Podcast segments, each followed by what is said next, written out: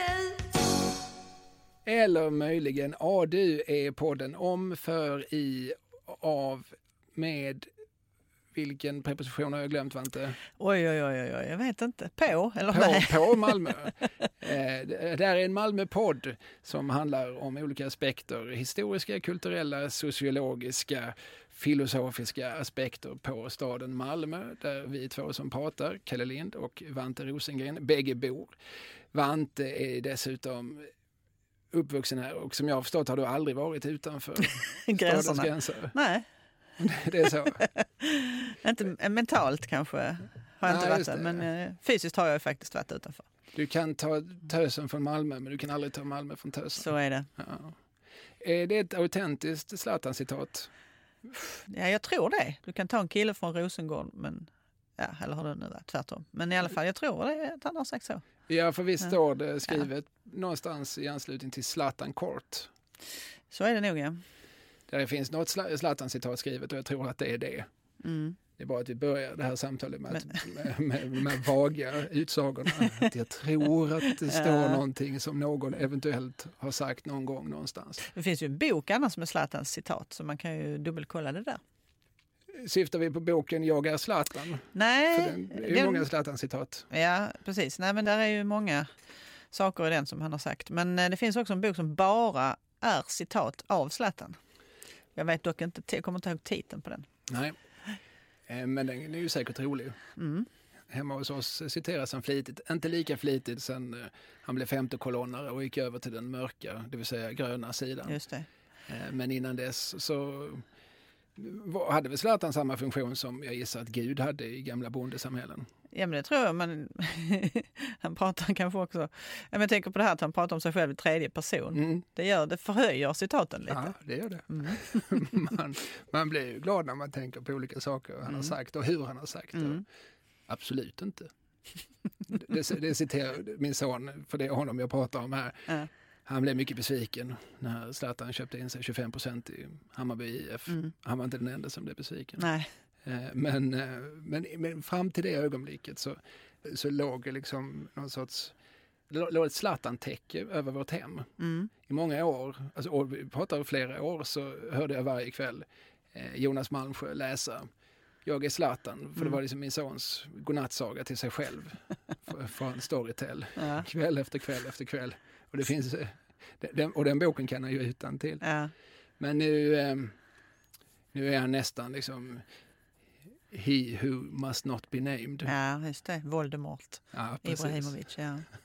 Nej, jag förstår. Det är många som har eh, haft, eh, haft svårt med det.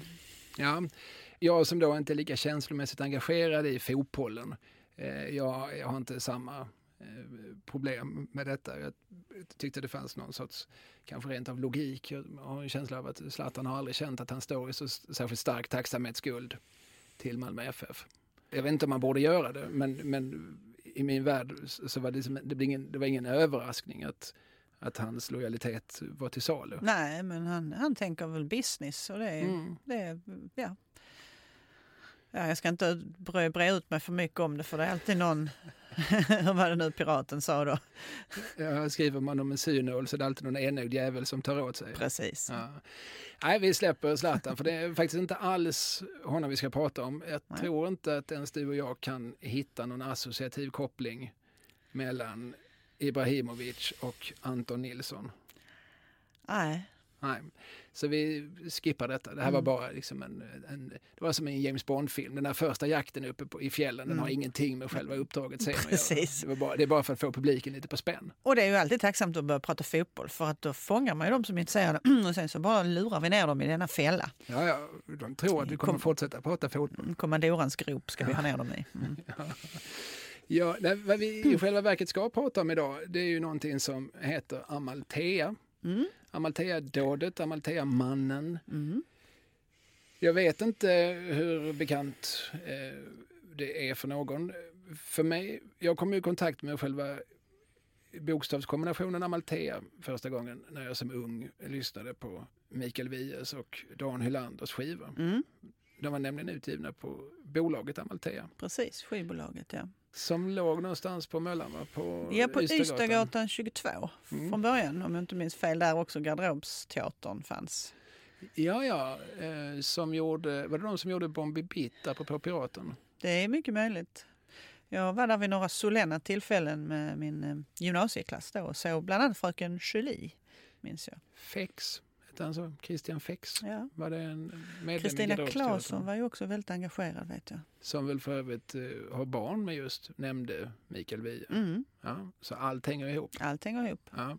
Och det här skivbolaget Amalthea det grundades någon gång i 70-talets slut. 77 va? Mm, det låter rimligt. Mm. Och Wiehe och Hylander tror jag bägge någonstans var intressenter i bolaget. Och Arne Frank vet jag var med och bildade. Och, Alltså basisten i Hoola Bandoola Band. precis. Och sedermera också såklart i, i Wiehes konstellation Mikael Wiehe, Nyberg, Frank och Fjällis. Ja, Men det hör man ju på gruppnamnet. Det hör att- man. Att där är ju Frank med. ja. Eh, nej men precis, så det, det var ett skivbolag. Och, men det, namnet på skivbolaget tog de ju inte från ingenstans. nej. Det var ett progressivt skivbolag skulle Mm. jag säga. Mm. Det fanns en sorts eh, ja, en allmän vänsteranda som vilade över det. Hur det sen, dels var det väl så att eh, många av artisterna och skivorna kanske hade lite politiskt innehåll och så. Det här var ju ett oberoende, idag hade vi sagt indiebolag som, som på något vis förhöll sig till de stora multinationella Mm. skivbolagen. Att man fördelar nog eh, royalties på ett annat sätt och eh, det var kanske till och med vissa av de här skivbolagen var ju närmast som kooperativ. Mm. Precis, det tror jag också att det var. Och sen så, de gav ju ut säkert en hel del som kanske inte annars hade blivit utgivet, tänker jag. Alltså de, Och som kanske inte skulle blivit utgivet. nej, det är också möjligt faktiskt. Men det var väl liksom förutom de herrarna du har nämnt så var det ju allt från eh, Röda bönor till eh, Per Dunsö och Ola Ströms barn-LPs. Ja, ja, Göte som vände Skötare, sig professor till- Jostim ja. Göte Skötare och jag Ja. gjorde stånd på Amalthea också. Det låter rimligt. De Mm. spelades ju in här, eh, alltså på Sveriges Radio i Malmö. Mm. Eh, För det var ju barnradioserier från början. Mm. Det var ju olika liksom, duos som avlöste varandra. När det inte var Per och Ola så var det Sigge och Adde. Mhm. Alltså Jan Sigurd och Adde Malmberg. Mm. Och när det inte var dem så var det ju då och då Sundahl och Bernstrup. Jaha, ja, ja. Mm. Som alla gjorde eh, barnradio Mm. i, skiftet 70 80-tal. Mm. Det blev ju någonting av allihop. Så det visade sig att, att Mm. barnradio i Malmö var en bra språngbräda till någonting annat. Mm. Amalthea i alla fall var namnet på det här skivbolaget. Idag så finns det väl fortfarande, gissar jag, ett eh, vänsterinriktat fik Ja, som ligger på Kristianstadsgatan. precis på Kristianstadsgatan Nobelvägen på hörnan där. Mm. eh, Som heter Amalthea, ja. Mm. Mm. Då tänker man ju så här, det kan ju inte vara en slump att två olika verksamheter med några decenniers mellanrum tar samma namn. Nej, det kan det ju inte Då måste vara. jag ha hittat det någonstans. Det är roligt för att jag, jag hittade lite bilder när Amalthea, det första Amalthea firade 10-årsjubileum, alltså 1987. Så gjorde de det i Folkets park och då spelade naturligtvis flera av de här artisterna. Och då har jag sett en bild där Björn Afzelius och Mikael Wiehe flankerar Amalthea-mannen himself, alltså Anton Nilsson, då 100 år gammal. Ja, just det, för att han blev kanske 103. Ja, 101. 101. Ja. Ja. det är ju en imponerande ålder. Och då står han där i, i liksom kostym och, och hatt och, och käpp och ser väldigt proper ut. Och så. Och man kan ju se på bilden hur Mikael Wiehe ser väldigt stolt ut och så står bredvid honom glad och sådär. Anton Nilsson var en liten skit ska sägas också. Och Anton Nilsson är alltså alias Amalthea-mannen. Ja, Ja. För att han gjorde, och då är vi, alltså, vilken ände börjar vi? 1908, ja, ska vi säga det. Det är då Amalthea-dådet sker. ja, Och det är det som har gett namnet både skivbolaget och fiket. precis. Kanske inte dådet, men Händelsen, händelsen ja. och sy- symbolen Mm. som detta kommer att bli. Då är vi i Malmö hamn. Ja, det är ju, man ska säga också att det är en hetsk stämning det året, 1908, mellan, mellan arbetare och arbetsgivare. Och det är ju inte bara här i Sverige, det är ju liksom i Europa. Och mycket av det här utspelar sig i hamnarna. Därför att eh, alltså det är olika konflikter på arbetsmarknaden. Det är ingen enskild konflikt och sådär, utan det är flera olika händelser som hänger ihop med varandra och som leder till det här dådet. Men, men i Sverige så är det den här paragraf 23 som det reageras mot. Bara lite kort, vad innebär paragraf 23? Jag har glömt det. Ja, Jag har det, såklart kunnat alla 23 paragraferna en gång. Men, nu... ja. Men vad handlar konflikten Ja, om? men Går det att säga? I... ja, man kan säga så här att det hade, vem som hade rätten att leda och fördela arbetet. Va? Eh, därför att LO hade accepterat den här paragrafen några år tidigare. SAF hade skriftligt accepterat det här eh, och kollektivavtalet och så, men, men Transportarbetarförbundet eh, var inte med på det här. Så att de som jobbade i hamnarna, de ställdes oftast utanför det här då. Transportarbetarförbund och hamnarbetarförbund har jag en känsla av i alla tider alltid har varit de mest eh, jag ska säga konfrontationsinriktade. Mm. De eh, alltså, som har varit mest politiskt radikala. Och det gäller alltså inte bara i Malmö och det gäller inte bara på tidigt 1900-tal utan det är hela världen och alla tider. Mm. Jag kommer på en massa exempel i mitt huvud men eh, jag hoppas att, att alla bara köper detta som en sorts tes. Mm. Vad, vad tror vi att det beror på? Alltså, Ja, alltså, de har ju, deras jobb eh, avviker ju väldigt mycket från, från många andra, kan man säga. det är väldigt mansdominerat. Ja, det är det ju. Och, och det, eh, jag ser framför mig att det ganska ofta är, som, om det inte är unga män, så är, alltså det finns en sorts eh, det är människor som kanske inte i lika hög grad har en familj som, som man ändå måste kompromissa. Alltså, om man har en familj så måste barnen ha smör och bröd och Mm. då måste man kanske ibland kompromissa Mm. för att det, det där är heligare än Mm. någonting annat. Mm. Men har man inte det utan bara sig själv att eh, slåss för så kan man kanske sätta ännu mer på spel. Det här är bara en, en tes. Mm. Och många av dem var dessutom uppfyllda av och då besjälade av de här nya socialistiska idéerna. Och så, så hamnade Och, och förlåt, kan vi då tänka oss att de kom just till hamnen? Alltså att, eh, att, Ja. att det här också var en, en arena där eftersom det kom båtar från hela världen och så att, att eh, Det möts. de, man snappade upp. Mm. Såklart, så Mm. tänker jag absolut att Ja. det är. Och, och de som då är, det som händer är ju att de som är fackligt engagerade, de, de blir svartlistade. Många av dem de får inga jobb.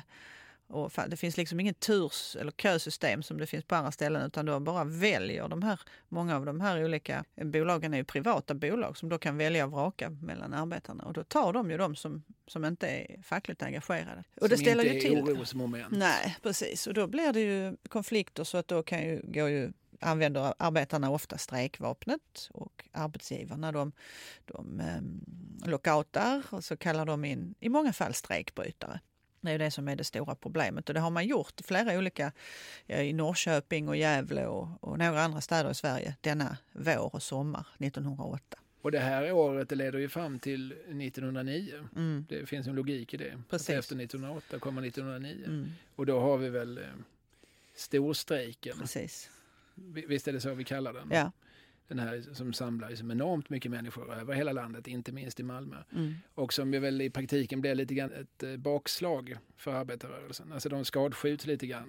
Mm. Strejkkassorna sinar och, Mm. eh, och många av de forna kämparna kryper tillbaka lite med svansen mellan Mm. benen och eh, tar mössan snällt i, i vacker hand. Och, ja, de har inte så mycket att välja på. nej, liksom. precis.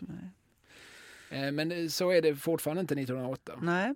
Då, Nej, och det är också många andra konflikter där man sätter in militär i Sverige. Eh, Och det gör man ju liksom fram till, fram till Ådalen kan man säga, 31 och sen så gör man inte det mer. Men, men nej, för där gick det dåligt. ja, Där råkade militären mm, skjuta ihjäl fem pers. precis. Men nu 1908 gör man fortfarande det.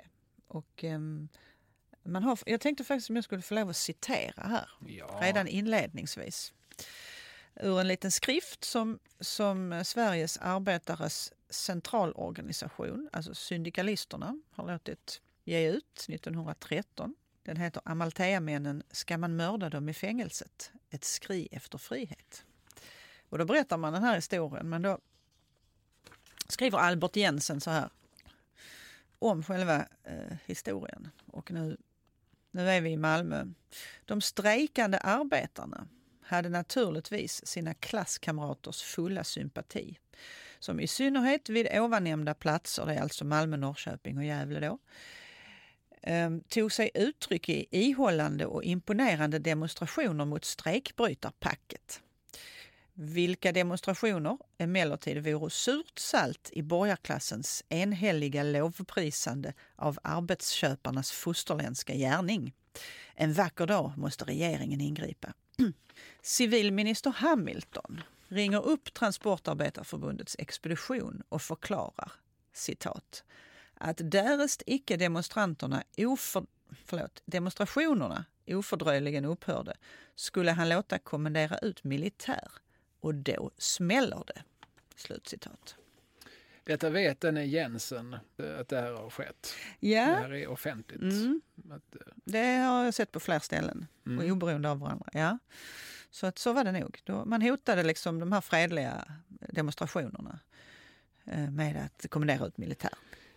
Ja, och när du säger fredlig så betyder inte det att det var liksom Jan och Jocko i en eh, säng på ett hotellrum i Amsterdam som då tyckte om varandra. Utan det fanns ju fortfarande såklart aggressivitet och konfrontation i luften. Men det, det fanns någon sorts icke-våldsprincip trots Mm. allt. Att eh, bara i yttersta nödfall ska vi beväpna oss. Precis. Själva historien här den börjar egentligen den 26 juni 1908. 1908. För att Mm. då är det så att det här, man använder sig ofta av såna här gamla logementsfartyg. Som i det här fallet hette skutan Amalthea då. Som låg i Malmö hamn och den låg där Beijerskajen finns. Vet du var vi är då någonstans? Eh, Jag vet inte exakt vilken som är Beijerskajen. Jag skäms som en hund. Jag har ju hört namnet många gånger men jag är så desorienterad. Eh, Alltså när börjar och slutar en hamn? Vi har aldrig fattat. Nej men jag, jag är med dig helt för att... Är vi inne på... Om, om vi tar oss från eh, Anna Linds plats Ja, och så norrut då på, den heter Nordenskiöldsgatan. ja. Då har vi Orkanen, alltså Malmö universitets lokaler på höger sida. Mm. På vänster sida har vi, eller hade i alla fall K3 som också är universitetets eh, byggnad. Och parallellt med den till vänster om, om man går in mellan de här husen, där finns Beijerskajen och där kommer sen vattnet. Och så titt, står man där och Det tittar alltså över. SVT Ja. ser ut över Beijerskajen. Exakt, Mm. och vice versa. Ja. Precis. Och då har silosarna, de här pastellrosa. Mm. Med liksom snett över där. Ja, precis. Så där låg den här Amalthea-skeppet. Mm. Och då visste man att där, det var ju enklare att ha alla människorna ombord där. Där är det ett 70-tal engelska strejkbrytare som är på den här skutan då. Och en tysk faktiskt. Men ehm, det var ju lättare att ha dem där än att ha dem inlogerade någonstans i staden därför att det, det, kunde bli, uppstå bråk och så. Här ligger de ute på redden. De ligger inte liksom invid kaj utan det är en bit ut i vattnet och ehm, mellan liksom eh, folket och skeppet är det dessutom järnvägsvagnar som står uppställda så här. Och Anton Nilsson, Som har medvetet har ställt upp där. nej, jag tror de stod där ändå, liksom, Mm. att det gick någon transportsträcka där som man skulle frakta. Men den här kvällen i juni, då har ett antal människor sökt sig till kajen, till Beijerskajen, för att liksom titta på det här skeppet och de här människorna. Och då står de här engelska strejkbrytarna ute på däcket där och hånar väl lite, skrattar och är lite försmädliga rent generellt. Och det gör ju att de människorna som står på kajen de blir väldigt irriterade på det här. Anton Nilsson han skriver i sina memoarer att det var tusen personer som stod där på kajen. Så pass. Men polisrapporten säger att det var mellan 10 och 15 personer. Ja, ja, men Någon av dem kunde inte räkna. och sanningen ligger kanske någonstans mitt emellan. Ja, vi antar det. Men det som Alltså börjar där... mellan 10 och 1000. Ja. Där, ge och ta. Ja. Mellan tummen och pekfingret, eller mellan tummen och lillfingret blir det snarare. Ja, det får det bli då. Men det som händer då, och det är det som liksom tänder stickan, det är att det är en förman där på skeppet som heter Henry Collingwood. Han, eh, han är beväpnad. Han tar upp sin revolver och skjuter tre skarpa skott mot de här människorna. Men naturligtvis träffas inte de för de här vagnarna är emellan. Så man går in sen och man kan hitta de här skarpa skotten i, i tågvagnarna. Och det tas ju som en, en otrolig provokation. Och det är i den sekunden, säger Anton Nilsson, som han sen bestämmer sig för att de här måste bort. Vi kan inte ha de här människorna här. Det är, det är liksom pack, det är löskefolk, det är slödder. Svartfötter. Mm. Mm, strejkbrytare. Ja, nej men alltså, bra. Nu håller vi lite där. För Mm. nu ska vi liksom förstå att den här båten, Amalthea, vem äger den? Ja, den är, den är ju liksom en... eh, han heter... Alltså det är, det är en privatperson som äger och Mm. som hyr ut till... Precis. Den används ju inte så som den har gjort. Alltså det är många av de här, eh, det var, det var ett tyskbyggt skepp från början, men många av de här båtarna de användes på det sättet i hamnarna. Eh, för människor bara att bo på. Man, man seglade inte med dem eh, så att säga. Alltså den låg där innan strejkbrytarna anlände. De hade inte kommit i den båten nej. från England? Nej, nej, nej, det, är, nej, okay. det är ett svenskt fartyg. Det ja, var byggt i Tyskland och det var en skeppshandlare som hette Lundberg som ägde det. Men man kan säga om Amalthea att, att hon hade varit i i eh, bryderi tidigare. Jag hittade en liten notis från tidningen Arbetet den 2 november 1904. Så står det så här. En hemsk färd på Östersjön har eh, skonorten skonerten Amalthea hemmahörande i Malmö haft på väg mot Sundsvall. Dess befälhavare, kapten P.J. Jakobsson, har till Stockholms rådhusrätts andra avdelning ingivit sjöförklaring därom.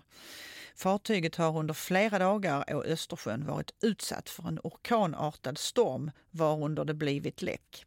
Manskapet har turvis natt och dag måste arbeta med pumpning för att hålla fartyget flytande. Allt under de väldiga vågor slogo över däcket. Va? Så den har ett äventyrligt förflutet? Djup dramatik. De fick söka nödhamn vid Arholma och så. så ja. Eh, men sen en tid tillbaka i alla fall så används den då som en sorts flytande vandrarhem. Ja, så kan vi säga. Inte, Precis. Så, inte fullt så charmigt som det låter kanske. Inte, inte som den i Stockholm, vad heter den, Patricia? Nej, nej precis. Ja. Nej, det är inte som... Dessutom lite partybåt, va? Patricia. Ja, så det är långt ifrån Patricia. Det är också My långt ifrån... Alltså, det, det är nära rent fysiskt blåbåten mm. som ligger just vid Anna Linds plats. Men på alla andra sätt är det väldigt långt ifrån. Mm historiskt är det långt ifrån och stämningsmässigt är det långt ifrån. Precis, och om Valle Westesson hade varit inblandad så hade den säkert varit mycket finare än den var. Ja, ja, då hade det varit glada färger mm. och, och, lite så kinesiska flaggor. ja, så det var gott och ont att den gode Westesson inte var inblandad i Amalthea. men, men när du säger partybåt så ska jag faktiskt säga att de här strejkbrytarna, de, um, de fick ganska mycket sprit och de, det hade varit klagomål på dem. Det är ju konstigt med de här rederierna. De ser till att hålla dem liksom halvfulla hela tiden. Är det konstigt? Eh, nej, egentligen inte. nej, men det, men, det är väl ett bra sätt att liksom lite grann få pli på det. Alltså då, mm. då koncentrerar de sig på det och så går de inte runt och tänker på socialism. Nej. Nej men visst, men problemet blev ju att de utförde arbetet de skulle göra. Dels fick de ju mycket högre betalt än de svenska arbetarna då skulle ha haft. Va? Och så fick de rätt så gott om sprit och då resulterade det ju att de välte med kärrorna på landgångarna och det blev allmänt till längre tid och så. Så att det fanns en problematik kring det ändå. Mm. Jo, den, men, mm. den är ju begriplig, eller den kan mm. vi alla se framför oss. Men då är det så viktigt för, för arbetsgivarna i hamnen att vi ska inte ha det här som strejkslödret. Nej. Att vi tar alla de här smällarna, mm. att vi får betala mer i lön, mm. Eh, det blir ett sämre utfört arbete, mm. dessutom på ett språk som vi kanske inte helt behärskar. Nej, det gjorde man ju säkert inte 1908 alltså. Det var ingen som pratade engelska på det sättet. Och hur, hur fick man överhuvudtaget tag på de här engelsmännen? Ja, alltså, hur såg de mm. kontaktnäten ut? Det fanns ju något som hette, eh, jag tror det hette så International Shipping Federation som såg till att eh, skicka strejkbrytare till framförallt brittiska då, till olika europeiska hamnar som, som behövde sådana. Och jag, eh, det fanns en, eh, en förman som hette, eh, eller arbetsledare som hette McDonald som tycker jag på ganska bra sätt har förklarat vilka var de? För man undrar lite, vad var det här för människor? Var de så hemska som ungsocialisterna lät utmåla dem? Den här McDonald, han sa om de här människorna så här. Vi känner dock djupaste medlidande gentemot de rent omänskliga lidanden som de måste genomgå i sitt fosterland, de här strejkbrytarna alltså. Deras kraftlöshet och deras moraliska och kroppsliga elände kommer på utsugningens konto. Deras föräldrar och mormödrar tillhörde dessa barnslavar som från sitt femte år släpade in till 20 timmar om dygnet. Då flickorna vore 12 år gamla blev de mödrar och pojkarna blev fäder vid 14 års ålder. Detta ska till eviga tider bära vittnesbörd om att kapitalismen ej känner någon gräns i sitt begär efter guld. Ty kapitalet känner inga gränser sjunger Totta Näslund i TEL-projektet. Och det är alltså strejkbrytarna, de mm. av hela liksom, dåvarande ungsocialismen och som alla eh, dess barn och barnbarn därefter har liksom målat ut som det värsta som finns. Mm. Som i, i någon sorts så klassisk eh, en, en socialistisk världsbild, nu är jag ju väldigt raljant då såklart, men så de värsta är ju kapitalisterna. De ännu värstaste, det är ju våra forna kompisar i det parti som, Mm, som bröt sig loss igår. Mm, just det. Och de värsta, värsta, värstaste, det är strejkbrytare. Mm, Det är som det, är det fulaste man kan vara. mm, Åtminstone liksom inom en viss del av det socialistiska tankefältet. mm. Och detta såklart med en viss rätt för att vad gör, alltså om man då tittar på det från det hållet, vad gör strejkbrytare? Ja, de ser ju till då att ett arbetarnas främsta vapen, det vill säga strejken, Mm. plötsligt eh, blir till intet. Precis, Så att det är, det är många svaga grupper som Mm. ställs mot varandra. så är det. Så var det på den tiden, Mm, att svaga grupper ställdes mot varandra. mm. Ja, för det händer inte nu väl? Nej, nu lever vi i modern tid. Mm. Såklart. Men, men, men på det lät det nu, om vi nu är tillbaka den här kvällen i Mm. juni, Just det. så låter det lite så, alltså, som att det här är en stundens ingivelse. Eh, det är väl i den stunden som Anton Nilsson blir sådär riktigt förbaskad och tänker att de här måste bort. Men det är klart att han, han och hans eh, meningsfränder har diskuterat det här under en period tidigare. Och de, de gör ju framförallt det på ett ställe som heter Café Utposten. Mm som, eh, som låg på Söderförstadsgatan 51-53, gammalt nummer. Alltså det finns ju inte längre det här kvarteret eh, så som det en gång såg ut. Om det hade funnits idag, ungefär var hade det legat? Ja, då är vi ungefär vid eh, hela det här stora Domuskvarteret. Eh, säger jag. Det hade inte varit Domus på ett tag. Nej. Nej. Eh, Alltså Åhlénskvarteret, nej, vilket är Domuskvarteret? det är alltså, vad säger vi idag då? Triangeln heter det väl? Ja. det är byggt som Domus en gång i tiden. ja, just det. Ja. Med Sheraton och heter ju inte det heller längre, Nej. Scandic Hotel. Men du vet var jag är då någonstans, i, det kvarteret. Ja, Ja. det är roligt att du rör dig i så många tider samtidigt.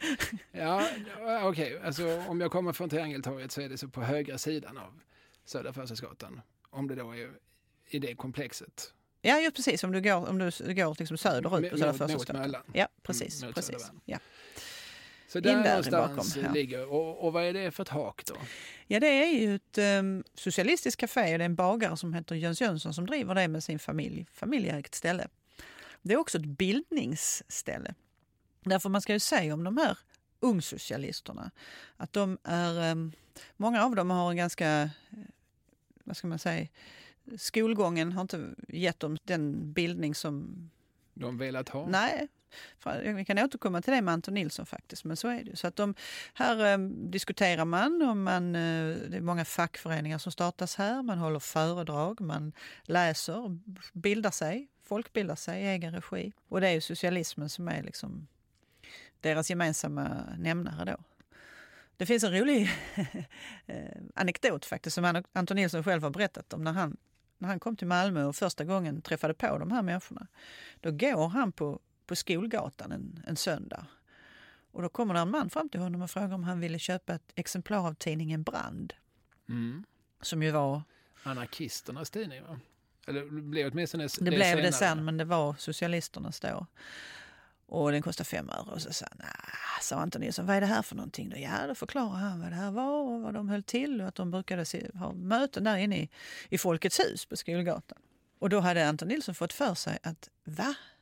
Jag har ju hört att när socialisterna har möten, då gör man det. Då har man dem helt nakna. Och män och kvinnor liksom ligger på golvet om varandra och har världens orgier. Detta trodde han på fullt allvar.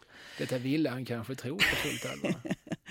Men när han sen köpte tidningen och blev medlem och började gå på de här föredragen, då upptäckte han ju snabbt att kläderna var på på samtliga. Mm. Och, eh, Till sin besvikelse, eller? han, eh, jag tycker verkligen inte att han ger uttryck för det i alla fall. Men det kanske var en efterhandskonstruktion. Nej, det där är ju roligt överhuvudtaget, alltså för det där vittnar ju om, om hur eh, liksom ryktet såg ut, alltså hur bilden Mm. såg ut. Det här, jag kommer ju omedelbart att associera till olika historier jag har hört om folk som på 60 och 70-talet flyttar till olika kollektiv och Ja. som i- ibland kanske då köper någon gammal skola i någon gammal småländsk by och sådär. Och hur ryktet då också omedelbart går att ja, det är ett sånt, sånt knullekollektiv som är på väg hit. Ja. Det är ju människor jag känner vars föräldrar eh, som köpte ett stort hus i Löberöd. Det tog lång tid innan vissa i lokalbefolkningen vågade prata med dem och det tog ännu längre tid innan, innan de frågade just detta som jag har hört det där men är det så att ni, att det är sånt, det är det ni håller på med? Eller? Får man vara med? Tänkte. Ja, Eller? nej, men liksom, det här är liksom skräckblandad nyfikenhet. Mm. Och liksom såklart ett visst... Inte, det är ju helt vansinnigt att de gör sådär men är också lite spännande. Mm. Alltså, Såklart. och, så det är spännande och intressant att redan då, för vad är vi nu i slutet på 18, början på Ja, 1900-talet? ja, men han har flyttat ut till Malmö 1906 va? så det är ungefär då han kommer i kontakt med det ganska omgående. Så han är så pass ny i stan. Ja, Mm. ja. Och då är han ju ung, han är ju bara ja, 20 år drygt. Eller han är inte ens det, han är 19 år gammal. Ja. Men det är också, man ska också säga om de här människorna, om Utposten, att det är ett nykterhetscafé. För det är viktigt i sammanhanget. De, de här människorna dricker inte, de röker inte heller ofta, de spelar inte om pengar. Alltså, eh, man kan spela schack och sånt där, men man spelar absolut inte kort. Man spelar uppbyggliga spel. Precis. Mm. För det är den här skötsamma, skötsamhetskulturen. Ska vi kunna gå vidare, ska vi kunna nå våra mål så måste vi vara nyktra. Mm. Ja, det där är oerhört spännande, det kommer vi säkert återkomma till i flera framtida samtal. Men, men det här skötsamhetsidealet som ju är, som är ett rådande, en, en sorts norm som finns inom stora delar av arbetarrörelsen. Mm. Det handlar ju om, man kan se många kopplingar till till exempel de svarta, alltså afroamerikanerna i Mm. USA, hur de man måste tvätta bort någon sorts stämpel på sig själv som varande vilde. Mm. Man måste visa att man är liksom, ja, salongsfähig. Man måste visa att man är beredd att ta ansvar. Eh, och, alltså utan jämförelse i övrigt. Men, men där kan man också se inom eh, Sverigedemokraterna. Mm. Alltså, som från början, ju, och detta är ju historiska, historiska fakta, består av olika skinnhuvuden och Mm. våldsverkare. Mm. Och sen så när man då börjar sikta lite grann på makten och sådär, då inser man att man kanske ska köpa sig en slips Mm. och, och eh, liksom prata i flerstaviga ord och meningar. Precis. Eh, och så, så det är någonstans, så det är, utan som innehållslig jämförelse så finns det någon sorts gemensamhet i just den här rörelsen.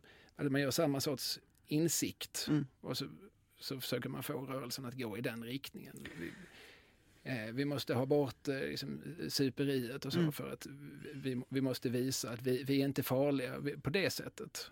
Vi är inte, och vi är kapabla. Och sen är det väl också av omtanke för alla de familjer som håller på som kalkylerar på grund av superier, för all del. Visst, Mm. såklart.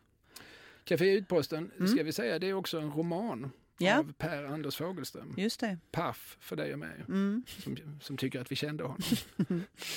Men som ju var en eh, Stockholmsbaserad författare Mm. som skrev Stadserien och Mm. Barnserien och de här liksom oerhört ambitiösa historiska sviterna Ja.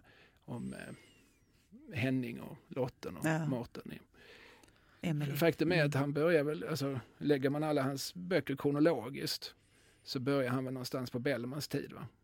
Ja, med alla de här vävarnas barn och Ja, vad precis. hette. Mm. Mm, så han, det var ju hans Krigens. stora Mm. projekt i, i livet. Det var ju Mm. att skildra Stockholm och dess arbetarbefolkning under några hundra år. Just det.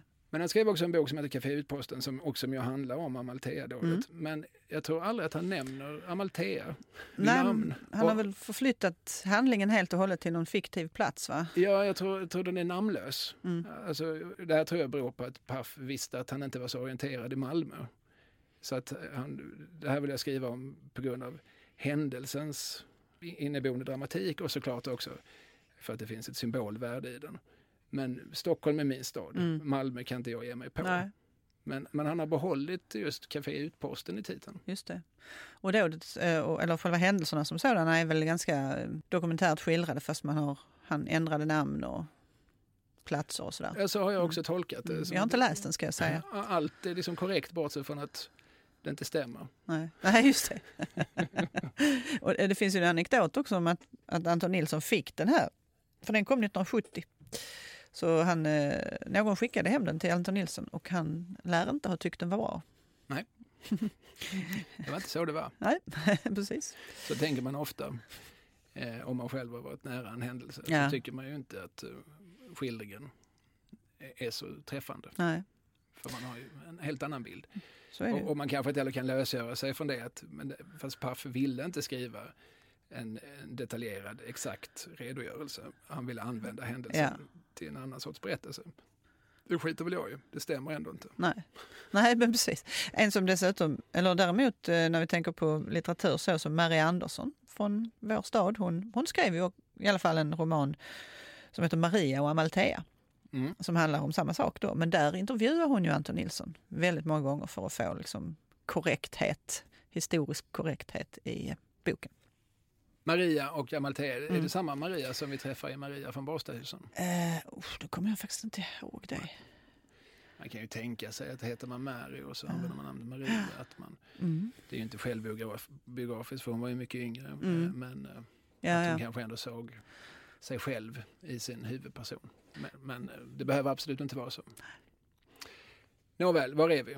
Anton Nilsson är en Mm. man vi har nämnt vid namn nu flera Mm. gånger. Han var alltså en av tre. Han var en av tre och han, han är ju inte härifrån ska sägas också. Han är en uh, Göingepåg. Han är en utböling. Mhm. Mm. Och han kommer från ganska goda omständigheter. Hans pappa köper och säljer gårdar så som du köper snus tänker jag. Eh, Ja, ja, det är många gårdar.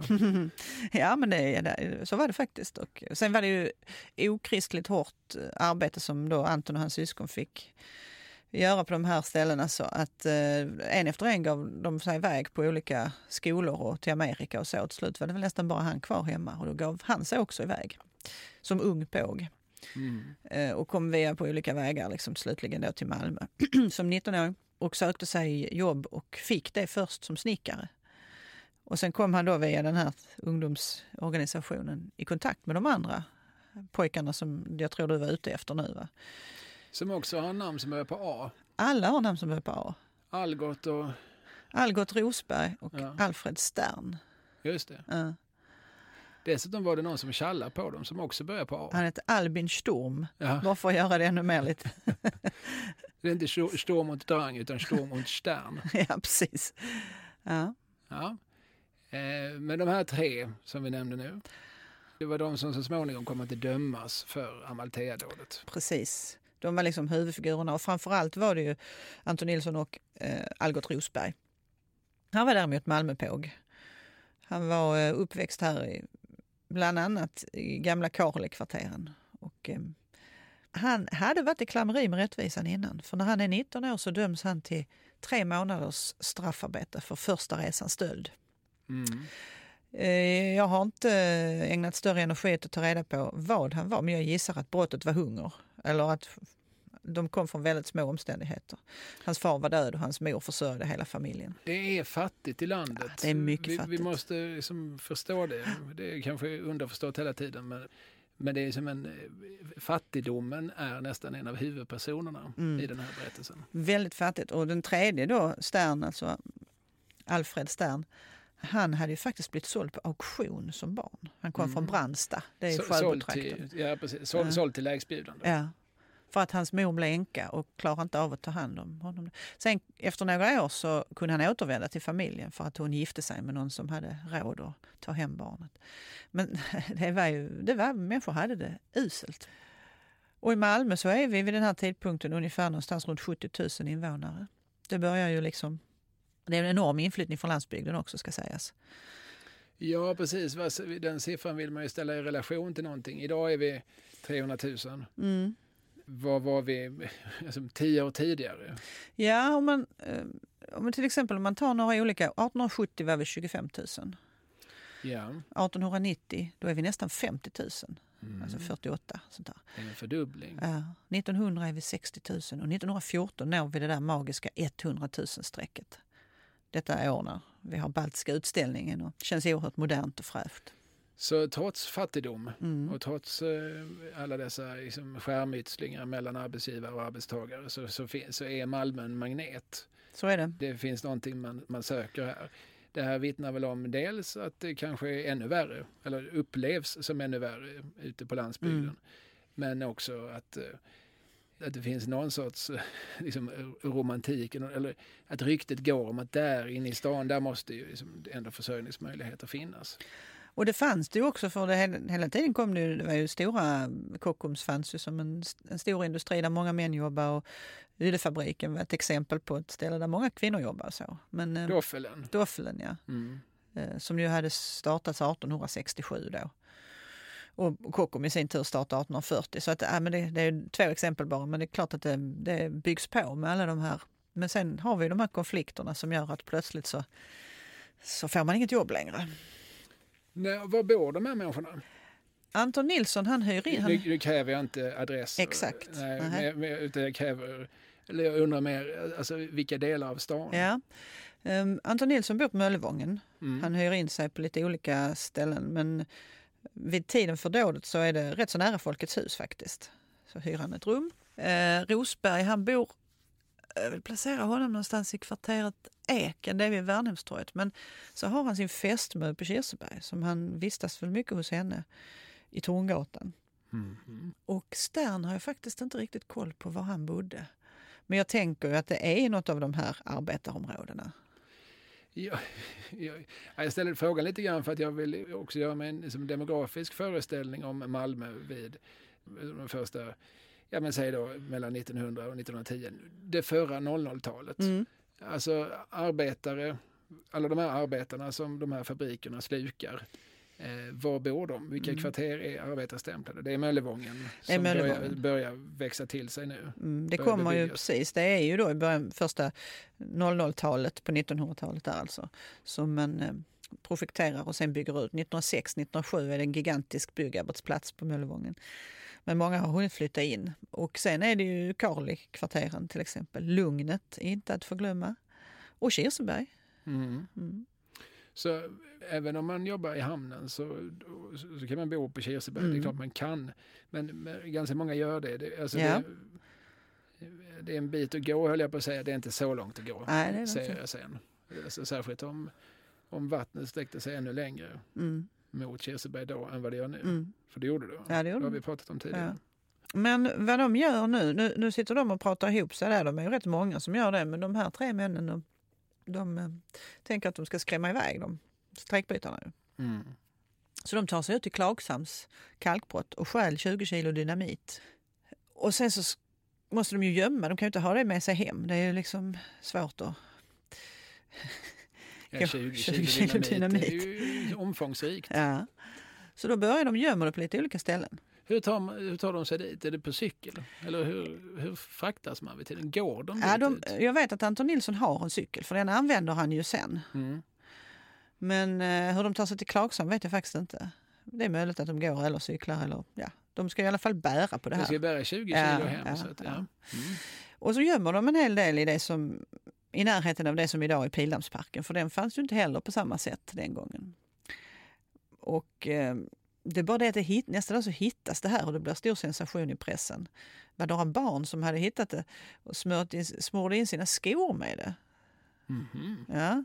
Och Anton Nilsson han skriver ju om det sen att ja, det var väl inget konstigt med det för att dynamit i sig är ju inte farligt om man inte kombinerar det med någonting annat som gör att det smäller. Nej, man Men- måste tillsätta eld väl? Dessutom. Men då, då hade de ju också grävt ner lite grann i eh, Algot Rosbergs eh, pappas grav Mm. på Sankt Pauli Mellersta kyrkogård. Pappan hade dött redan 1892. Så eh, ja, det är ett udda ställe kanske men Ja, det är väl gravar, gravplatser är väl ett klassiskt grävställe. Ja. Men, eh, här, men här har det uppenbarligen grävts förut. ja, jo, jo. Och sen provsprängde man några gånger också för att testa så det fungerar. Bland annat just på Kirseberg. Så man gjorde några små, vad kallas det för? Små smällar blev det i alla fall. Detonationer. Detonationer. Inte så stora som de ville riktigt så de, de fick möblera om i eh, innehållsförteckningen helt enkelt. Men det här är ju små eh, pojkstreck eh, som märks. Alltså det här Mm. hörs ju. Alltså det här innebär att folk visste, folk, alltså en del visste att, eller anade eller gissade att de där pojkarna på A, att de höll på med något. Mm, det tror jag nog. Och de hade ju berättat om det där. De hade ju pratat med andra om det, inte minst där på utposten. Men sen fanns det ju också, ska man säga, det fanns ju olika fraktioner. Det var så, vissa förespråkade ju våld. Ehm, En av dem som gjorde det, det var ju eh, Hinke Berggren. Mm. som ju inte var härifrån, men han tyckte ju att man kunde, eh, attentat var rätta vägen, komma till rätta med sådana här orättvisor. Och då hade vi, han var journalist. Sen har vi en annan journalist i Malmö, Axel Danielsson, som var chefredaktör för tidningen Arbetet. Han tyckte ju att parlamentarism, det var den rätta vägen och han, han skrattade åt Hinke Berggren och tyckte att det var tramsigt att gå. våldets vägar. Ja, precis. Och det här är en konfliktlinje som finns inom den socialistiska rörelsen alltid. Men eh, det leder ju så småningom till att eh, från det här partiet som finns i botten här, alltså SAP, Socialdemokratiska arbetarpartiet mm. stod det för från mm. början. Va? Eh, att det knoppas av till det som sen blir SKP. Mm. Och det hände väl efter ryska revolutionen där, 1917. 17, ja. Det som idag faktiskt är Vänsterpartiet. Ja. Men, men, det, är ju, det är ju de som väljer den då revolutionära vägen mot den reformärta vägen. Just det. Ja. Och sen så har ju det partiet i sin tur många gånger splittrats.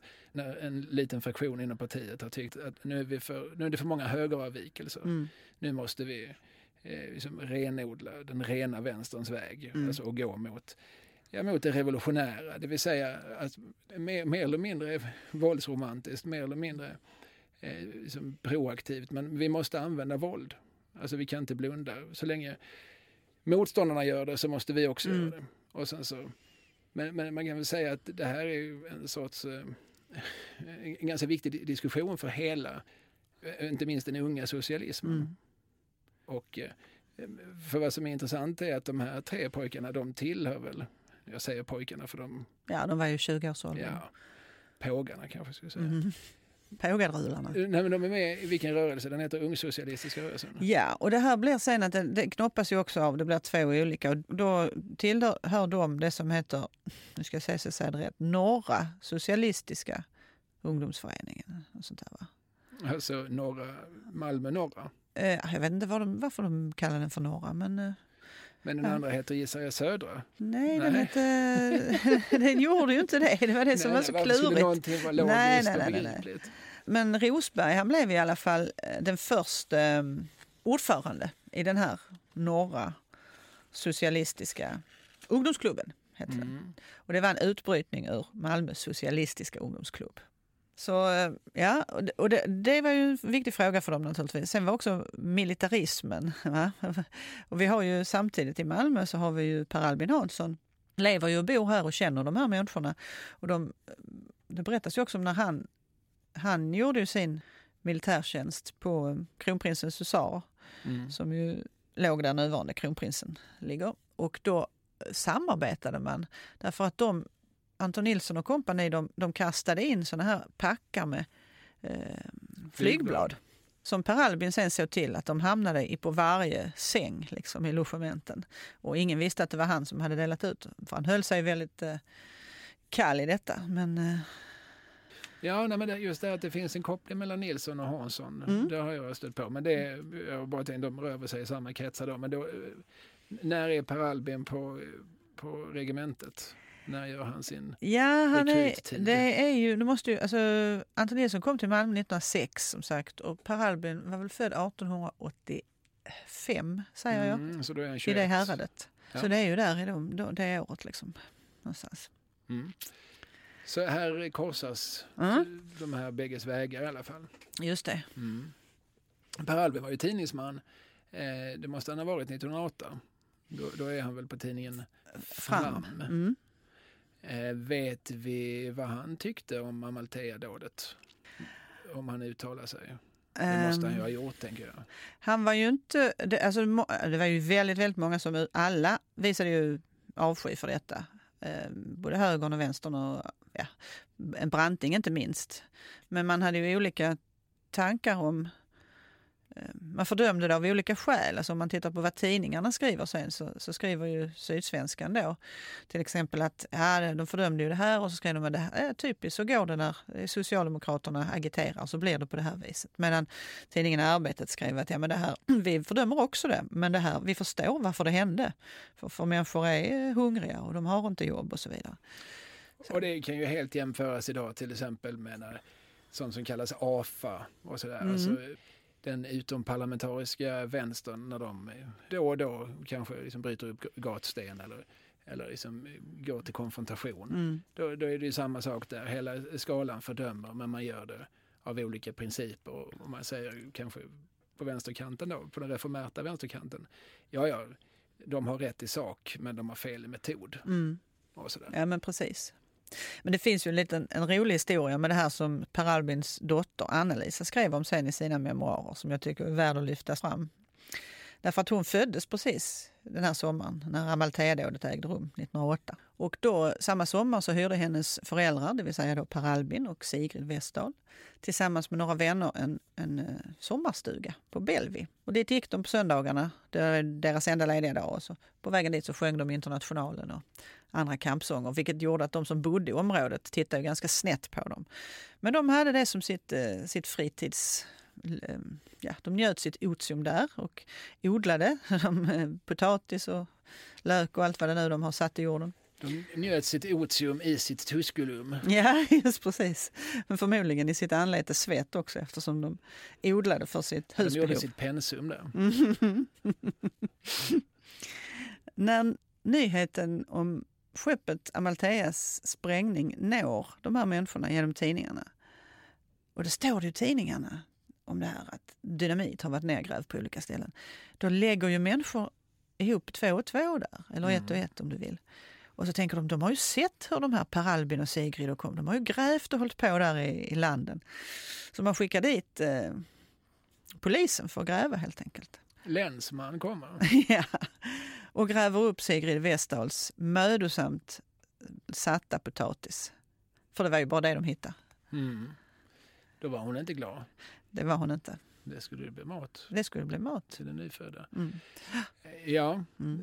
Och, och, och, vi kan någonstans tänka oss att det här motsvarande saker skedde på andra ställen i stan. Alltså, för efter den här sortens händelser så, så brukar det uppstå någon form av, eh, vad ska vi säga, närmast hysteriskt, eller åtminstone väldigt uppskruvat läge. läge. Ganska liksom mm. paranoid stämning. Mm. Där, där många misstänker varandra. Såklart, och man visste ju inte heller skulle det hända på fler ställen och det var ju säkert många inblandade trodde man. För det blev en stor grej. Vi har ju nog mm. inte riktigt liksom tagit upp själva... Nej. Vi har inte kommit till själva, själva dådet, själva kvällen när detta Nej. händer. Nej, men det kan vi göra. Det är den 11 juli. Mm. 11 juli. 11 juli. Natten mellan 11 och 12 juli 1908. Och det är också roligt här och intressant att det är tio nätter i sträck som det är ljust som på dagen berättas det. Alltså att jämföra med midnattssolen, det var något sorts fenomen som inträffade den sommaren som gjorde att man kunde sitta och läsa tidningen ute klockan tre på natten. Det var väldigt ljusa nätter. Så den här elfte natten där mellan 11 och 12 juli, då har man bestämt sig att nu ska det ske. Och då eh, har Rosberg tagit på sig, för han har faktiskt gjort militärtjänst. Då har han lärt sig ett och annat om sprängämnen och sånt där, tänker man sig. Det gjorde ju nämligen inte Anton Nilsson. Han skrev ju in ett eh, brev om att, eh, att han vägrade att göra militärtjänsten på grund av sina socialistiska åsikter. Revolutionära idéer. Ja, men fick han slippa på den? Han hann väl inte komma så långt, Nej. för det här kom emellan på något Jag sätt. Mm. Mm. Men hur som helst, Rosberg gör i ordning den här bomben. Det är en bläcklåda och man lägger i dynamit och man lägger i eh, ja, lite annat så. Och så stubintråd som visar sig vara för kort sen. Men denna möter man sen upp och så får Anton Nilsson den här. Och sen så ska han bara mycket enkelt sno en liten båt och ro ut till fartyget och placera den här bomben på skeppet. Så har man tänkt sig. Men det visar sig vara lättare sagt än gjort därför att som sagt natten är ljus. Alla människor var ute på sina båtar. Folk var ute och meta. Det var som på ljusan dagen. Och han hittade ju ingen båt som han kunde sno. Så till slut så fick han ta en, eh, ja det var, det var en liten båt som låg, en, en eka liksom, som låg intill en annan båt och där på den båten på däcket stod människor och pratade så de måste ha sett honom. Men han ner i den, kapar trossen, ror mot Amalthea med bomb och allt och kommer fram och då är det problemet är att eh, den här ekan läcker och där är inget öskar. Så båten tar in vatten och han kommer ju så nära nu så att nu är han invid skeppet. Och så tänker han, hur ska jag göra? Han, han ville inte kasta ombord bomben eh, på däck, för då tänker han sig att då kommer människor att bli skadade och kanske till och med dö. Ja, det var ju vänligt av honom, men, men det måste han någonstans ändå ha tänkt att även en bomb kan skada och döda. Ja, men så tycker man ju. Mm. Ehm, men han vidhåller detta i alla sina 101 år, att vi ville bara skrämma dem. Mm. Mm. Och man hade, han hade till ja, och med... Nej, men det är, mm. absolut, mm. det, det, kan vi väl köpa som en arbetshypotes om inte annat. Men även det, man måste ändå säga att det finns eventuella konsekvenser. Absolut, mm. hade Zlatan sagt. Och jag säger absolut. det med honom. Ja. um, och när han då ska, så tänker han sig att han ska lägga upp det där vid lastluckan för att um, vad han inte vet är att man har byggt om det här skeppet så att där är ju sovplatserna. Man har gjort ett extra loft. Så har det inte sett ut innan så därför tänker inte Anton Nilsson att det skulle ligga någon precis innanför. Men han är rätt kort i rocken och den här lastluckan är två och en halv meter över eh, vattenytan så att, och båten tar in vatten. Och hur ska han göra? Ja, till slut så får han upp eh, bomben och allting där. Och det är i detta tumult, när han står upp till knäna i vatten, som han då ska ta upp sin tändsticksask och så faller det ut en papperslapp ur fickan på honom och ramlar ner i båten. Och det är den som avslöjar honom så småningom. Ah. Mm.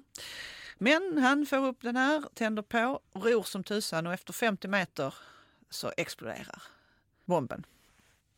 Det, det här, man ska säga också att det här skeppet där är, det är bevakat av polis dygnet runt. Från kajen då, så att det är därför de kommer från andra hållet naturligtvis. Från vattnet sett. Ja, och då måste han ju ro som tusan för att komma därifrån och han blir uppmärksammad såklart av de här poliserna som någon försöker cykla och genskjuta honom och någon annan springer och någon visslar i pipan och så. Men vad som händer i skeppet är ju att 23 män skadas och en person dör. Det är en kätting som eh, springer i bitar och det är den som dödar honom. Mm. Ja. Och det här sker mer eller mindre omedelbart? Omedelbart, ja. Mm. Och mycket dramatiskt så lyckas han då Anton Nilsson tar sig till, sin, till ursprungsplatsen där. Han hoppar upp på land igen, tar sig till sin cykel, cyklar snabbt till Möllevångstorget för att se. Där var massor av människor ute på natten på Möllevångstorget för alla har ju vaknat av den här smällen.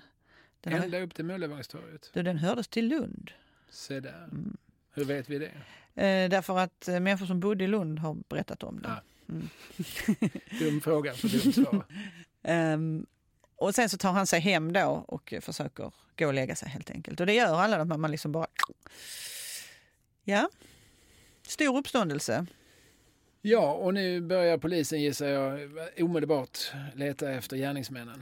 Ja, och Förövarna. De, precis.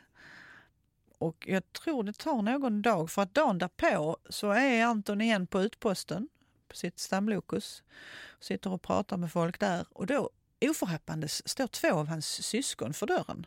Han hade inte alls väntat sig, de visste inte var han bodde, så de hade inte setts på flera år. Men de hade fått ta reda på att han brukar vara där. Och då gick de ut och promenerade på stan och när han skulle följa dem till Köpenhamnsbåten så står där en detektiv där som heter Sten. Aha, tänker Sten. Det är den här mannen jag letar efter. Och då blir han gripen. Hur vet, han heter Sten i efternamn gissar vi. Ja, just det. Ja, men det är ju ingen tid då vi duar varandra. Nej. Eh, hur vet den här Sten att det är den här mannen han letar Ja, efter? Alltså Anton Nilsson han har ju varit, han, han var ju oerhört känd som han var ute och agiterade och delade ut flygblad och fanns med såklart i, man hade koll på de där killarna Mm. från polisens sätt, sida sett. Men hade man redan hittat den här papperslappen då? Det hade man va, och så kunde, det var ju en, en eh, löne, lönespecifikation Mm. som det stod hans namn på dessutom. Så att det var inte så svårt att spåra Nej, men då, så, honom faktiskt. då förstår jag hur Sten tänkte. Mm. Så Sten brottar ner honom. Nej, jag, nej, det gick nog ganska fredligt. Han följde frivilligt med eh, Anton då. Och eh, förnekade alltihopa till en början och höll sig tyst och sa att han visste ingenting om det här. Och eh, det slutar med att den som mannen som du nämnde i början, Albin Sturm, det var ju han som han var ju också ung socialist ska sägas. Goltuppen. Goltuppen. Han hade fått veta av Stern alltihopa så han berättade allt, hela historien för polisen och sen så kunde man då lyckas sätta fast de här herrarna och de, de blånekade men när de fick reda på att ja, vi vet redan allt så. Och varför gjorde han det? Varför tjallade han? Ja, Jag vet faktiskt inte vad han hade för agenda med det. Nej, han kanske bara var uppskrämd. Han kanske Ja. hade varit en stark motståndare till detta Mm. och försökt Ja. att övertyga dem att göra inte så här. Och kanske var av eh, moraliskt patos han Mm. gjorde det. Men, men eh, det kan också vara personliga skäl. Det, kan också, alltså, det finns ju många skäl att vi agerar som vi gör. Så är det. Men jag tänkte att det kanske fanns någonstans en antydan om det i dokumenten. Men det är ingenting du har stött på? Nej, jag, jag har inte fördjupat mig så mycket i just hans eh, utsagor men det är möjligt att det finns ja. Ja, men de här tre, de eh, förs till skranket. De förs först till Stillot, Sinkavirum. Ja, de är, placeras på först faktiskt tror jag första natten var på rådhuset. Alltså em, i någon cell där ja. och sen så eh, är det Det är länsfängelset. tjusigt om inte annat. Ja, ja. Det är ju fina stuckaturer. Och, ja. ja. Jag tror nog inte de fick vara kanske i de Nej, salarna just. Eh, sen så hamnade de på länsfängelset. Eh, Den byggnaden finns ju inte längre. Den låg, eh, om man kommer över bron där, alltså snett emot gamla hovrätten kan man säga. mm, Inne i Slottsparken. Gamla, alltså inne i Slottsparken, Mm. okej. Det byggdes ett länsfängelse där i mitten på 1800-talet som var väldigt modernt då för att det var ett cellfängelse. Mm. Det var inget sånt här gemensamhetsfängelse utan det innehöll, jag tror 102 ljusa och fem mörka celler. För det kunde man få som straff. 14 Ja, ja. dagar på vatten och bröd i mörk cell och så ju. Absolut. Men de sitter där och sen så tror jag det är september som domarna faller. Hur är det nu? Någ, två får livstid och en blir dödsdömd. Två blir dödsdömda till och med så. och en för livstid från början. Alltså Anton Nilsson och Algot Rosberg de döms till döden. Mm. Och Stern han får döms till livstid. Men sen så mildras det här då så att Rosbergs dödsdom den omvandlas till livstid. Och sen efter mycket om och men så begär ju Anton Nilsson, han eh, ansöker om nåd. Alltså han, och då får han det också så att hans dödsdom blir också omvandlad. Vi har ju något tidigare avsnitt här pratat om skarprättare Dahlman. Ja, det tror jag vi har. Ja. Han som högg snett i Yngsjömörderskan med Mm. mera. Han var ju tjänst då fram till 1920 så han, hade det blivit av så hade det varit han som hade fått. Ja, Deras vägar korsats. just det. På ett obehagligt sätt. ja. Eh, är det Härnösand de sitter i Hudiksvall? Ja, men först, de är ju, på först H. är det på Långholmen Mhm. allihopa. Och sen med tid och stund, alltså man kan också säga att i början så fördöms det här som vi sa direkt. Alltså alla tycker det här är förfärligt det som har hänt. Men när åren sen går så börjar det bildas liksom en rörelse för att släppa dem fria. Och ehm, av säkerhetsskäl vågar man då inte ha dem på samma anläggningar längre så man flyttar dem runt. Anton Nilsson hamnade mycket riktigt i Härnösand. Någon av dem var i Karlskrona också tror jag. De flyttades runt på det här sättet. Ja, för jag tror man har läst om att man gjorde någon sorts fritagningsförsök, eller man anade ett fritagningsförsök, att det Just låg det. i luften så, så att man satte hårt mot hårt. Mm. Jag tror att eh, plitarna på eh, fängelset i Härnösand, att de fick order från rent av landshövdingen Mm. att eh, hellre skjuta till döds än att låta honom fly. Just det. Och det här är nog liksom revolutionsåret 1917 Ja. att. Eh, Sen blir de ju fria det året. Ja, Mm, för vad händer däremellan? Jo, vi får en ny regering. precis. Och då är det Karl Stav, va? Eh, Det är Branting och Edén som Ja, är är liberal. Edén. Mm, Ja, okej, det är den som representerar Liberalerna. Just det. Men det är en socialdemokratisk liberal regering. Ja, Och det är en av de första saker de beslutar, Ja. att benåda Amalthea-männen, så är det. som de är vid det här laget. Så det måste ju varit en enorm symbolfråga vid Mm. tiden. Några månader tidigare har alltså en konservativ landshövding sagt att bättre skjuta Ja. honom till döds än att låta honom fly. Han är farlig, han är, och han är också en symbol på den sidan. Vad vi någonstans kan läsa mellan raderna här är att det här är en tid med oerhörda spänningar i Sverige. Alltså det är extremt konfrontativt. Det är samförstånd Sverige. Vi alla, vi alla som lever idag eh, har en relation till. Det finns inte än Nej. faktiskt. Nej, men så är det. Och det är ju inte bara liksom en, i den liksom kommunistisk socialistiska historieskrivningen så, som det är så, utan det finns ju många indicier under just år 1917. Alltså må- många små oroshärdar som hade ascendenten på, på eh, stenbocken stått i linje med, med kräftan så hade det ju blivit revolution Ja. här som det blev. Inte så himla många mil bort till Sankt Petersburg samma år. Precis. Vi pratar om bröduppror, vi pratar om Mm. eh, hungerkravaller. Vi pratar om eh, uppe i Boden är det några eh, militärer som skjuter sina officerer. Mm. Han ger dem order att, eh, att skjuta mot strejkande arbetare. Istället skjuter de honom. Alltså, det finns en massa sådana här saker som händer Mm. det här året. Mm. Så småningom så har vi då ett parlamentariskt val där en socialdemokrat och en liberal och deras gäng någonstans ändå måste tänka att om vi släpper de här fria, vad de tänkte med det, det vet jag inte. Antingen så var det av patos, ja, men det, så himla farligt var det inte att de råkade döda en kille för tio år sedan. Eller så, så är det för att eh, lite grann blidka massorna. Och det var ju ändå, jag tror 130 000 namnunderskrifter som hade skickats in för att få dem fria. Så det fanns ju verkligen en, många starka krafter i samhället som jobbade för att de skulle släppas då. Mm.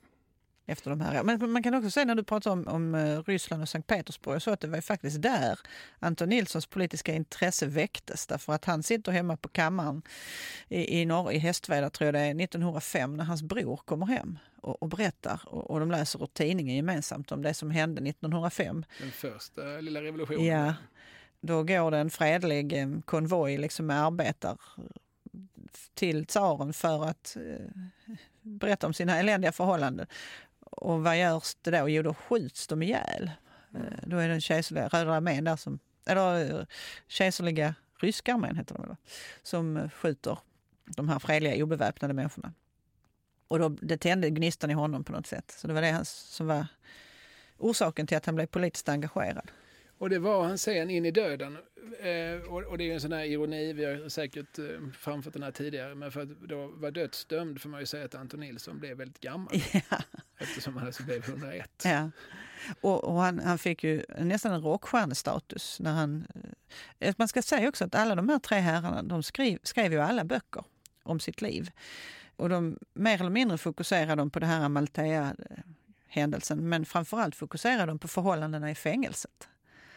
Och sen skrev ju Anton Nilsson också om sina fort, sitt fortsatta liv och så. Men ja.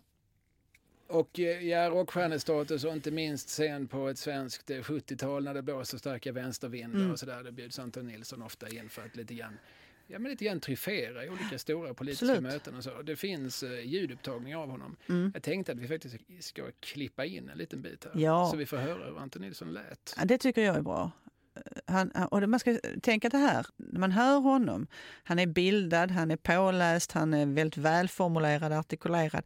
Det här är en pojke som har växt upp på Bondvision, knappt gått några år i skolan. Han, han berättar på fullt allvar att de trodde att jorden var platt när han var i tioårsåldern. Alltså. Och när vi hör dem nu, då är han alltså 80 plus, mm. så att mycket vatten har runnit under broarna. Mm.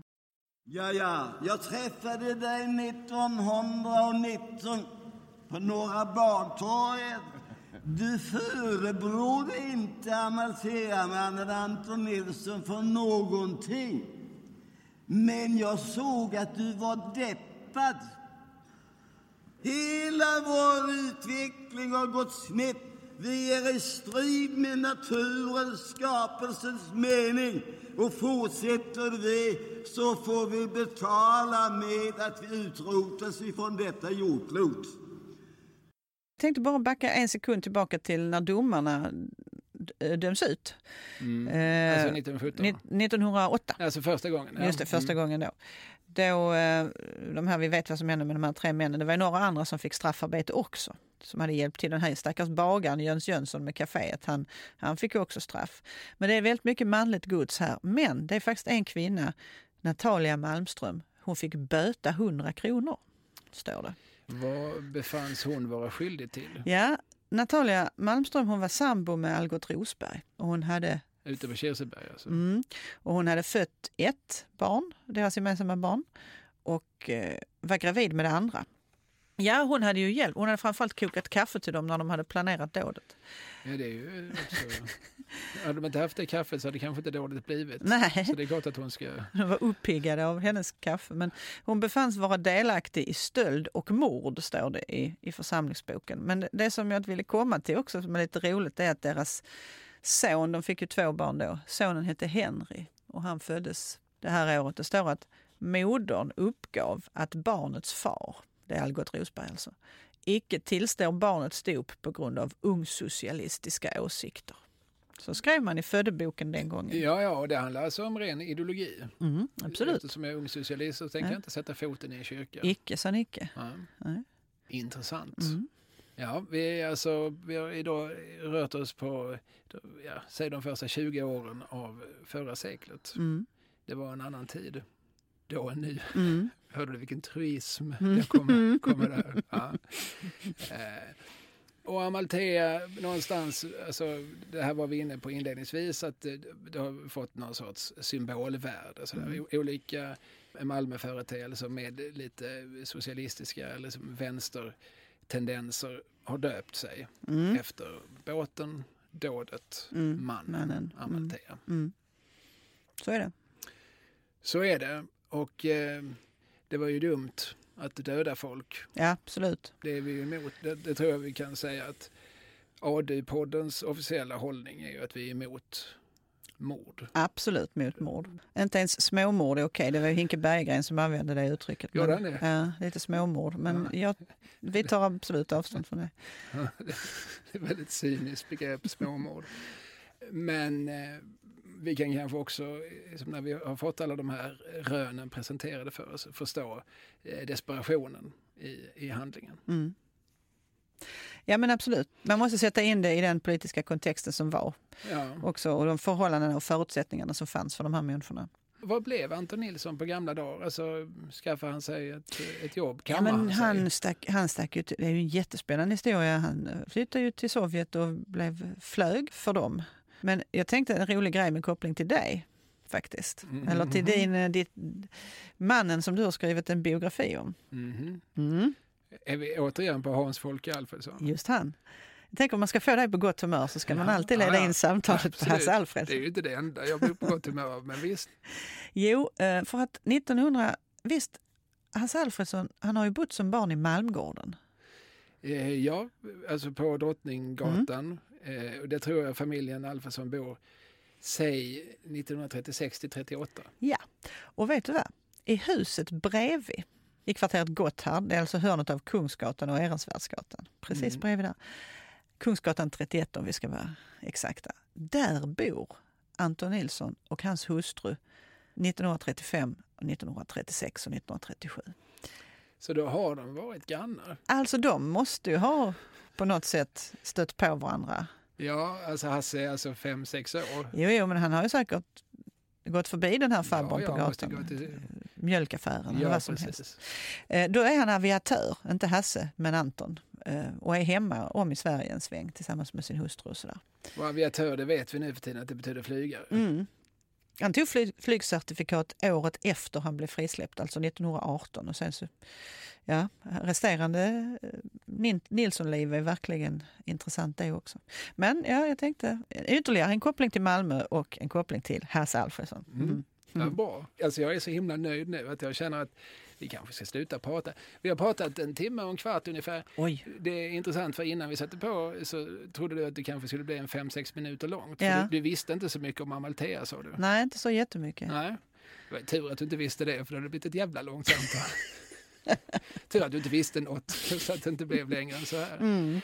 Du eh, Vante, Mm. återigen tack för att du delger mig och alla andra allt du kan och allt du vet och allt du läst dig till. Mm. Det här är ju ADU eller ADU-podden. Ska vi dra det där med Patreon och sånt? Ja, men kan du inte berätta hur det fungerar? Ja, för det fattar du aldrig. Aldrig. annat har du till dig. Men varje jävla podd sitter jag här och berättar för dig om Patreon. Ah, ja, inte, säg det igen. Okej, så här är det. Mm. Det finns en sida man kan gå in på på internet, patreon.com. Där kan man leta upp ADU-podd. Mm. A-D-U-P-O-D-D, två D för att vi är ju i Skåne och Sverige. Och där kan man sätta in en liten slant till oss om man vill. Mm. Om man tycker att den här podden är värd att stötta. Om man tycker att du ska få betalt för att sitta och läsa Anton Nilssons memoarer. Det är ju rimligt. Mm, det tycker jag. Ja. Man gjorde ju faktiskt en insamling till Nelly Close, alltså änkan till han som dog. Jag tänker inte nu att... Han som dog. Alltså, du- mannen på skeppet. På, på skeppet. Wallace Close. Och du tycker att ditt lidande är lika stort som hennes? Nej, absolut, det vill jag inte raljera. ut? Det vill jag absolut inte säga, men eh, ja. Jag gjorde med en insamling 1908 så kan man väl göra det 2020. Så mer tänker jag. Att den insamlingen kanske betyder ännu mer behöver vi inte prata om. Nej. Patreon.com och där kan man också kommunicera med oss om man har liksom idéer och tankar, om man har invändningar, om man har tillägg. Eh, och så, så säger jag varje gång till mig själv att den här gången ska jag, ska jag ta upp i podden Mm. olika saker som patronerna har skrivit. Sen glömmer jag oftast det. Ja. Men eh, För de hör av sig. ja, det gör de. Mm. Eh, med, främst med invändningar eh, och, och med önskemål. Och de tar vi ibland till oss, på, alltså önskemål på vad vi ska prata om. Du som heter Jeanette Vante Rosengren och jag som heter Kalle Lind. Ska vi säga så? Ja. Ja, bra, nu gör vi det. Så har vi. Hej. Hej.